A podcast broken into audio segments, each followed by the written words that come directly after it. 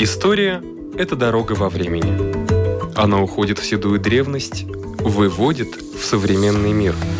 Она показывает, рассказывает, объясняет. И не перестает удивлять. Живая история.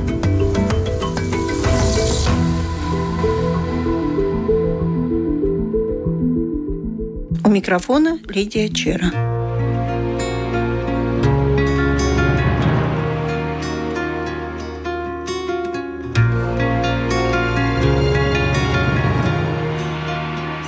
Уже самый основной праздник города Риги уже позади, но сегодня воскресенье, и музей открыты. Музей Риги и мореходства ближе всего к этому празднику. И здесь открыта выставка. Но об этой выставке чуть позже. Совсем недавно, сидя на пляже, я наблюдала о том, Вначале смотрела, думаю, что за человек в черном с какой-то палкой ходит по морю.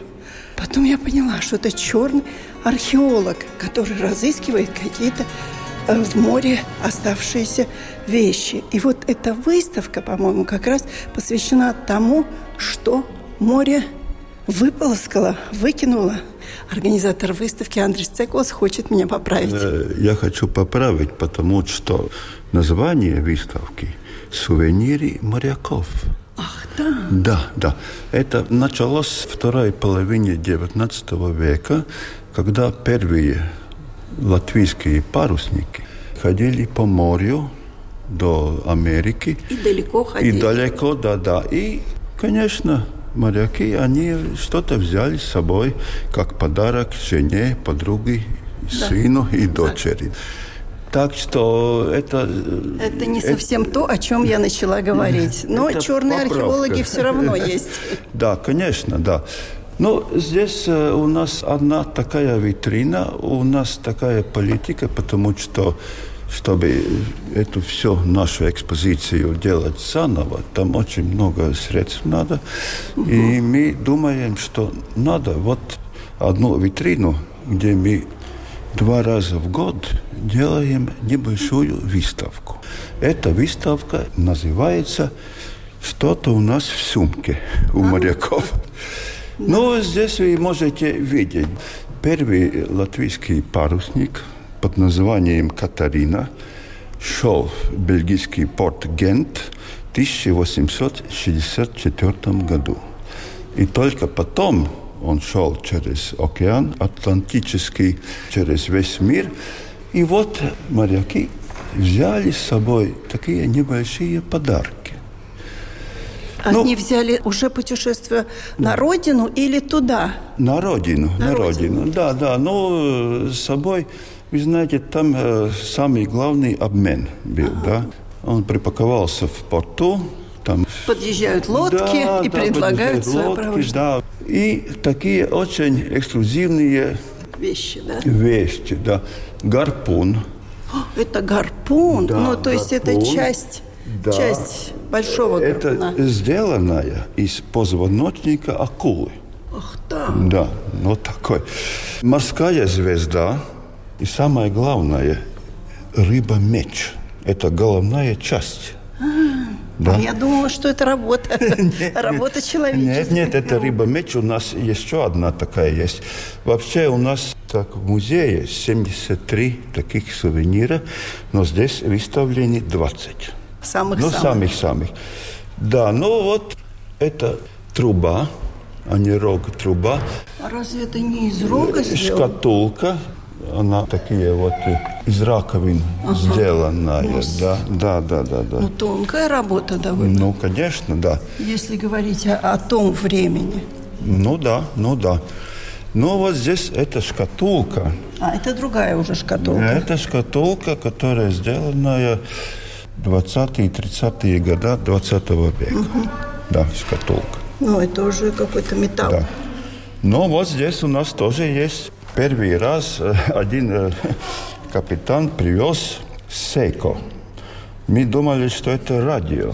Это 70-е годы 20 века. Да. Нет, он показывает время от Хонолулу, Лос-Анджелес, А-а-а. Чикаго до Веллингтона. Это Веллингтон, Новая Зеландия. Какое время? Да. в это Мы время? хотели там поставить рижское время. Не получилось. А Сейко это уж все-таки фирма. Ну, конечно, Это всем да. известная Да, фирма. Да, да, да. Ну, один это морской рак, омар. 20-е, 30-е годы очень популярны были миниатюрные эти спасательные кольца. Круги. Круги, да, такие. Так что вот, э, конечно, там площадь очень маленькая, да, но я думаю, что людям нравится. Но здесь у нас тоже есть постоянная экспозиция. Я вам покажу Давайте. рядом.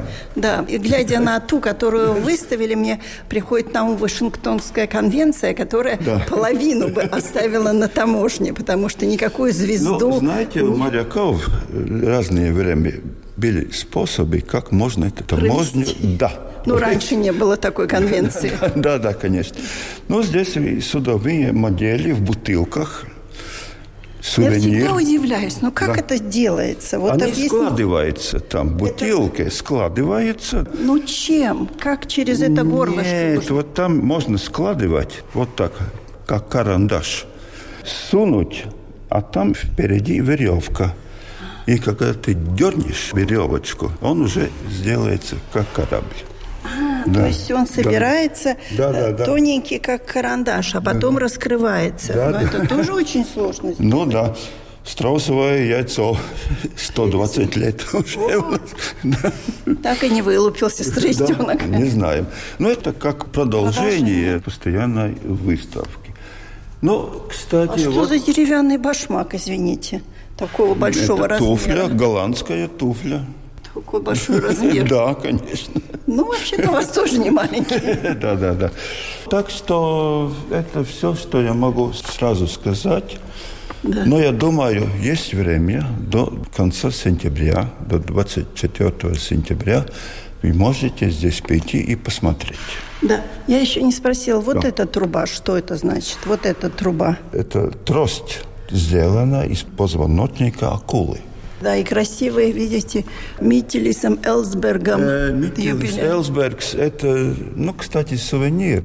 Он был э, руководителем латвийского... Морской администрации. Нет, Там такое сообщество такое был, да. Но это не его э, Это изображение. под- подарок ему на 70-летие. Да. Ну, а здесь у нас такая панна, Джамайка. Один капитан привез и подарил нам. Купил в Кингстоне, это в Ямайке такой город есть. Ну, а сейчас что-нибудь привозят, что-нибудь сдают вам в музей? Очень мало, потому что пришла глобализация. И молодые моряки, что они привозят? Деньги семье, и все. Все остальное такое же, как и у нас. Да, да, да. Такие подарки в советское время, да, и в конце 19 века, это было уже что-то. Что-то привезти Да, такое, да, чего у нас нет. привезти. Привозили. Да, да, и да. телевизоры, и видео. Да, да, да, конечно. А да. сейчас? Нет, у нас самый последний сувенир – это вимпел, но тоже 80-е годы 20 века. Больше нет ничего такого. А что за картина? Это картина, Это фотография? картина- Нет, это картина, это копия фотографии одного японского судна «Нью-Йорк Трейдер», и капитан был латыш. Это тоже примечательно. Да-да, вот он э, подарил нас такой. Да, латыши всегда были рыбаками, к Э, сожалению. Вы знаете, вот сейчас такое дело, что у нас есть морская академия, присоединили к Рижской технической университет. И если сами там моряки, такие это филиппинцы или так, но самые главные, это штурманы, главные механики, идет от нас. Всё-таки. Очень много, да. На экспорт готовим. Ну да, Ясно. Хорошо, до конца сентября эту выставку можно посмотреть. да, конечно. У нашего микрофона был сотрудник музея, историк Андрис Цекулс. Эту замечательную витрину мы осмотрели на втором этаже. А на первом продолжается выставка работ реставраторов, на открытии которой мне довелось побывать. Рамон Натал из реставраторов Риги и мореходства. Вы занимаетесь как бы восстановлением графики. Графика, да, графика, акварель, пастель и рисунок гуашью. Давайте подойдем к какому-нибудь вашей работе, и вы расскажете, как это происходит? Вот вы получаете какой-то такой вот ветхий... Да, вот получила такую ветхую акварель. Она была очень испорчена, помята очень была. Притом в свое время кто-то разрывы укреплял, используя силикатный клей. Это был очень популярный клей в 60-е годы. Но клей ужасно плохой для бумаги, потому что как получает э, хоть немножко влаги, он э, очень сильно отбеливает бумагу, поскольку это сильная щелочная реакция получается. Ну и вот тут видны эти белые пятна. Это уже работа силикатного клея. Пришлось это все чистить, долго чистить, убирать остатки клея, чтобы он не навредил еще больше. Ну и потом восстанавливать утраты бумаги. А как восстанавливают? Вот, например, этот экземпляр, который мы сейчас видим, тут не видно вообще ни одного шва. Это долгая работа. Там специальная технология по утончению бумаги, та, которая оригинал, и та, которая наращивается. Надо э, утончить бумагу буквально до волокна, и тогда их сращивают подойдем, может быть, к той картине. Это был корабль, и он был 1912 года да. написан. Да, и да. чем он заслужил реставрацию? Потому что его делал один английский художник Чапел, который себя посвятил рисованию э, разных кораблей. Ага. Он жил в Гуле, маленький портовый город в Англии, и он там зарабатывал тем, что он быстренько рисовал корабли, пока они зашли в порт. И э, в нашем музее имеется несколько работ, потому что капитаны корабля хотели оставить на память картинку. Это были наши корабли? Да, это наши, которые тут у нас в музее, это наши корабли. Но он рисовал, я думаю... Ну, он рисовал все, что все, видел. Все, что есть, да. все, что видел. И у него технология была такая, что Днем он э, быстренько делал эскизы, и вечером и ночью он делал акварели mm. по эскизам, чтобы да. успеть отдать и получить деньги. Ну, скажем так, делал он это 110 лет назад. Да. И вот ну, теперь мы можем увидеть. Но это цветная литография, она сделана в самом начале 20 века. В Риге был такой цирк Мифорта, и там были силачи, и вот это рекламный плакат, цветная литография. И музею передал вот этот господин, господин да, три плаката, которые а он как сохранил. Его Как его? Есть же, наверное, и фамилия его, раз он передал. Честно говоря, надо спросить, наверное, об этом. Это автор? Нет, это не автор.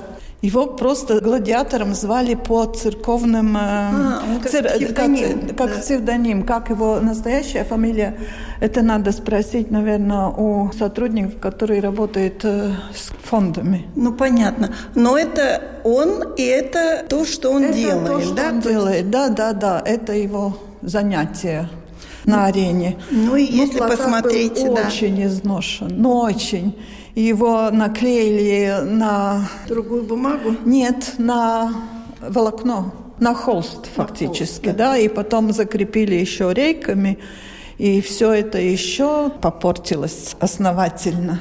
Ну, Края общем, все были. Ну, в общем, испорт... тут э, картинка того, когда я сняла с холста. Это одна половинка только, вот эта часть. Ну и потом все это наращивать, как я говорила, полотном. И Собирала я его как пазл и работала с этой вещью два года. Ну, потом, да. конечно, было очень трудно и производить тонировки, поскольку это литография, и такие традиционные методы тут невозможно было использовать. Ну, я, в принципе, создавала манеру красочного, красочного слоя, да. Это интересно, конечно. То есть реставраторы, вы получали где-то образование реставратора? Я до первой категории включительно получала в Москве реставрационный институт. И там при этом институте была комиссия аттестации реставраторов. И потом в 93 году я получила звание вацмейстерс, олдмастер. Олдмастер, да. Это уже тут э, в Риге. Но все равно приходится самому изобретать какие-то да, методы. Да, да, да. Потому что одно дело методика, но внятно, беря на опробование методику, все же надо что-то свое добавлять. Потому ну, что да. каждый мой пациент, он иначе смотрится, иначе себя ведет. У каждого свой диагноз. Свой диагноз, да. И какие-то методы уже человек делал, когда хотел исправлять там да, содеянное да. временем. И поэтому надо что-то новое изобретать. Чем рисунок живописный отличается от литографии? Живописный рисунок в одном экземпляре. Художник его рисует красками – Цветная литография – это оттиск на литографском камне. Но оттиск делается в несколько раз, каждая краска наносится отдельно. Это устойчивые краски. Например, вот с этим было с той стороны легче работать, поскольку краски устойчивые, мне не нужно было волноваться. А с акварелью это уже другое дело, там акварель. Краски уже не такие устойчивые, мне надо конечно, было соблюдать конечно. очень много условий. Конечно. Давайте еще посмотрим ваши работы. Ну вот я могу показать. Сейчас. Самая ранняя работа. Смеюсь, это моя дипломная работа. Ну, ну, вот так Рига. Она. Да, это Рига. Но Автор Хаусвалд. Но это не понтонный мост. Нет, это деревянный мост. Он примерно в том месте, где сейчас каменный мост. До понтон. Да, да, Какой да. Какой же это год? Это 19 век, 30-е годы. Был такой литограф Хаусвалд, и он издавал целый альбом, издан с его видами Риги. Это одна из этих работ литографических. Очень-очень тонкие, тонкие. Вот я его сделала в 1982 году, ну, 40 да. лет назад. Да, но какая тонкая работа. Как здесь это под микроскопом? Нет, не нет, знаю. нет, это карандашом рисован на литографском камне. Карандашные. Рисовали карандашом, рисовали специально такой, как тушь была такой цветная. Ну, разные там манеры были. Но был литографский карандаш. А карандаши наши и такие, которые были вот больше полутора ста лет назад, они отличаются? Да. А чем? Наш графитный карандаш, когда его наносишь в бумагу, он более блестит. А тот был матовый? Немножко матовый, да. Поэтому можно иногда и различить поделки. Ага. Интересно, из чего они делали? Ну, То это про технологии. Графит. Ну, да, понятно. Но там связующий, очевидно, какой-то ага. материал. Есть еще какие ваши работы? Давайте пойдем посмотрим. Это что же это такое? проект маяка. Это деревянный маяк. Но такой был э, или он только проектом он, остался? Нет, он был. Он где был. он стоял? Он стоял Акмень-Рага. А, я это, была там. Да, вот там я был. Была в это пер, первый, первый маяк, который там был. Да. Ну и сохранился эскиз его. Да. Утвержденный, да. И тоже весь ну да, ну и рабочий материал использовали, вот тоже рейки, тут ликлопластырем подтянутые разрывы. Тут тоже было Но дело. вы в основном работаете с произведениями искусства? Да, да. Не с да. книгами? Нет, нет, нет. Произведения искусства, да. А над чем сейчас работаете? Сейчас я хочу уходить. Ну, это зря. Это зря. Такие работы. Что же будете делать? Скучно будет без этого. Все-таки такой мастер. Ну да, но Вам знаете, надо учеников брать. У меня есть ученики. Вот работа одной ученицы моей. Да, Аустра Айспори это, да? это самая младшая моя ученица. А это портрет откуда, не знаете? Это президент Чакста. Да, я понимаю, но это же тоже это гравюра. Нет, нет, нет, это гравюра. Это гравюра. Угу. Такая небольшая да, гравюра. Да, да. Но она была не совсем в плохом состоянии, скажем ну, так. Ну, она начинающая. Ей нельзя еще давать такие очень сложные работы. Ну ничего, у нее все впереди. Ну вот вторая моя ученица. Вторая ваша ученица Ева Митте. Да.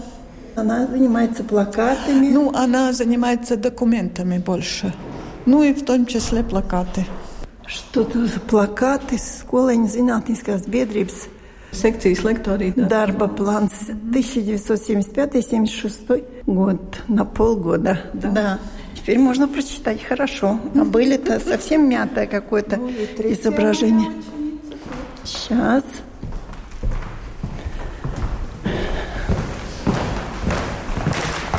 А вот и третья ученица. Это третья, да. Инга Розенфелд. Инга Розенфелда, да, она по счету самая первая. А, в смысле, у вас, да, у, появилась? У меня, да. Ну, она сейчас мастер, она работает э, в художественном музее национальном. Реставратор, мастер, да. Но эту работу, ну, что это? Это, это литография тоже. Литография это всегда сложнее, да? Они сложнее, потому что бумага очень такая плотная, но рыхлая. И якобы можно делать э, разные обработки влажные, да. но бумага быстро намокает и плохо связывается. И за счет этого большой риск с ней работать вот в влажном состоянии. А можно сказать, что вот какая-то ошибка может привести вообще к потере этой? Конечно. То, что может реставратор сделать, не умеючи, это уже трудно спасти потом. К сожалению. К сожалению. Поэтому очень важно все же умение и учение. И хорошее образование, вот как раз реставратор. Но у нас в Латвии нет такого. Ну, училище ну, какое-то Ну, нет, нет, нет. Ну, типа есть э, колледж, где готовят э, реставраторов, но я считаю, что там больше знакомиться вообще со специальностью, ну, а не конкретным. Мастеры не готовят. Да. да. Жалко, жалко. Ну да. Вот вам бы и заняться. Вы вошли все? Ну, мои работы... А, вот еще работы мои. Ну, вот. Нет, еще есть. Ну, вот это, это было три карты. Они были когда-то выставлены в экспозиции, и художники их всех склеили одну на Вместе. другую да. и на картон. Да. Ну и там надо было на новую экспозицию делать, и я их разъединила, все это сняла. Там были обернуты края, края вот тут видно, тут отошли, да, да. они в разрывах, ну это все надо было подклеить. А что же за карта такая? Это карта Черное море тут. Э, а, то есть это не Латвия? Нет, нет, нет, это нет, не нет, нет. Черное море вижу. Да. А вот остальные даже не знаю. Украина тут, Подолье. Ну. Да. Но все равно карты, которые... У нас большая коллекция картографий. Я была там, смотрела, какие Про... уникальные у вас коллекции. Ну да, и чтобы автор, э, Боденер, этот автор довольно известный, и поскольку это такое знатное имя картографа, ну, тогда решили тогда их привести в божеский вид. Ну и хорошо. И маленькая открыточка. Вот это открыточка. У нас э, тоже большая коллекция открыток. И что интересно, очень интересные открытки, красивые открытки. Но коллекционеры марок оторвали верхние углы mm. у многих открыток. Ну, я тут не только наращивала эту утрату бумажную, но делала реконструкцию рисунка. Но сначала делала эскиз, акцепт получила, да. и тогда делала уже в цветах, в краске. Конечно, по содержанию она видно, что это, по крайней мере, прошлый век, начало прошлого века.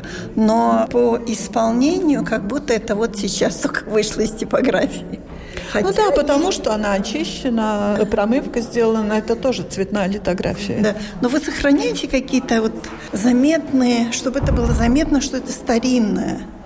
Специально нет, потому что это художественные произведения, и в принципе то, что можно оставить, мы оставляем, но то, что опасно или для основы, а. или мешает восприятию уже да. картины, это надо Конечно, удалять. надо убирать. Да? Да. И надо смотреть, потому что вот, например, литографии старой панорамы Риги, да. там была плесень. Ой, Но никак не оставить, да? Никак, да? Тут был силикатный клей, который да. может еще больше навредить, тоже да? оставить. Э, тут, например, тоже были пятна Пластырь. жировые, и пластыри были, которые уже ветхую бумагу делают в тех местах, в тех, которые имеются. Ну и, например, вот плакат Плакате, цирка, да. да, он эти мелкие части бы куда-то могли и затеряться. Ну, так что их состаривать не обязательно, нет, нет. они сами ну, и, например, себе. у меня есть и фотография до накладки цвета, до тонировок. И она очень пестрая, потому что очень много наращиванных мест было. И хоть и побольше, поменьше, но она такая, что не воспринять эту литографию. Ну, там было надо тонировать. И также вот с этим парусником, когда все очистила, все пятна убрала, как снегопад был а, весь ну фон, да? Так что надо было привести в порядок, чтобы это смотрелось уже как произведение искусства.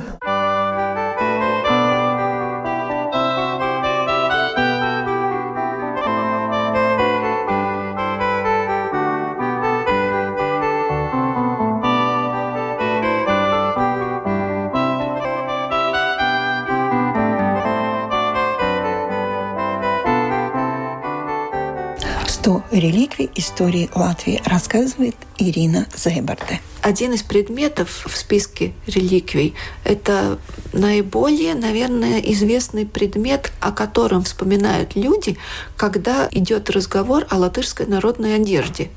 Это пояс Лелварды, Lielvārdas josta. Lielvārdas josta – название по волости, по названию волости в Латвии на э, берегу Даугавы. Но э, надо сразу определить, что пояс Lielvārde распространен не только на территории теперешней волости Лелварды. Он распространен был и на территории девяти близлежащих других властей, например, э, Юмпрова, Кастраны, Крапе, Лаубере, Ледмане, Мадлена, Ремба, Теверене. Это территория распространения этого пояса. Пояс, как многим известно, красно-белый, и этот пояс э, содержит в себе очень много разных узоров мы не можем утверждать, не можем доказать, что этот пояс очень древний. Мы можем говорить об этом поясе только с начала XIX века, когда он стал использоваться как э, составная часть э, народной одежды и был популярным в течение всего XIX века. И что очень интересно, что этот пояс не обязательно ткала каждая молодая женщина, э, когда она готовила для себя народную одежду, этот пояс очень часто передавался из одного поколения в другое. И многие из тех поясов, которые находятся в нашем музее, они пользовались несколькими поколениями женщин одного семейства, одного рода эти пояса очень сложные в исполнении, потому что на этом поясе, несмотря на то, что, как я уже сказала, он содержит нити только двух цветов, красного и белого, узоры, которые вытканы на этом поясе, они чередуются между собой, и э, фрагменты, какие-то определенные циклы этого узора, который может составлять только ну, несколько сантиметров, несколько десятков сантиметров, он не повторяется.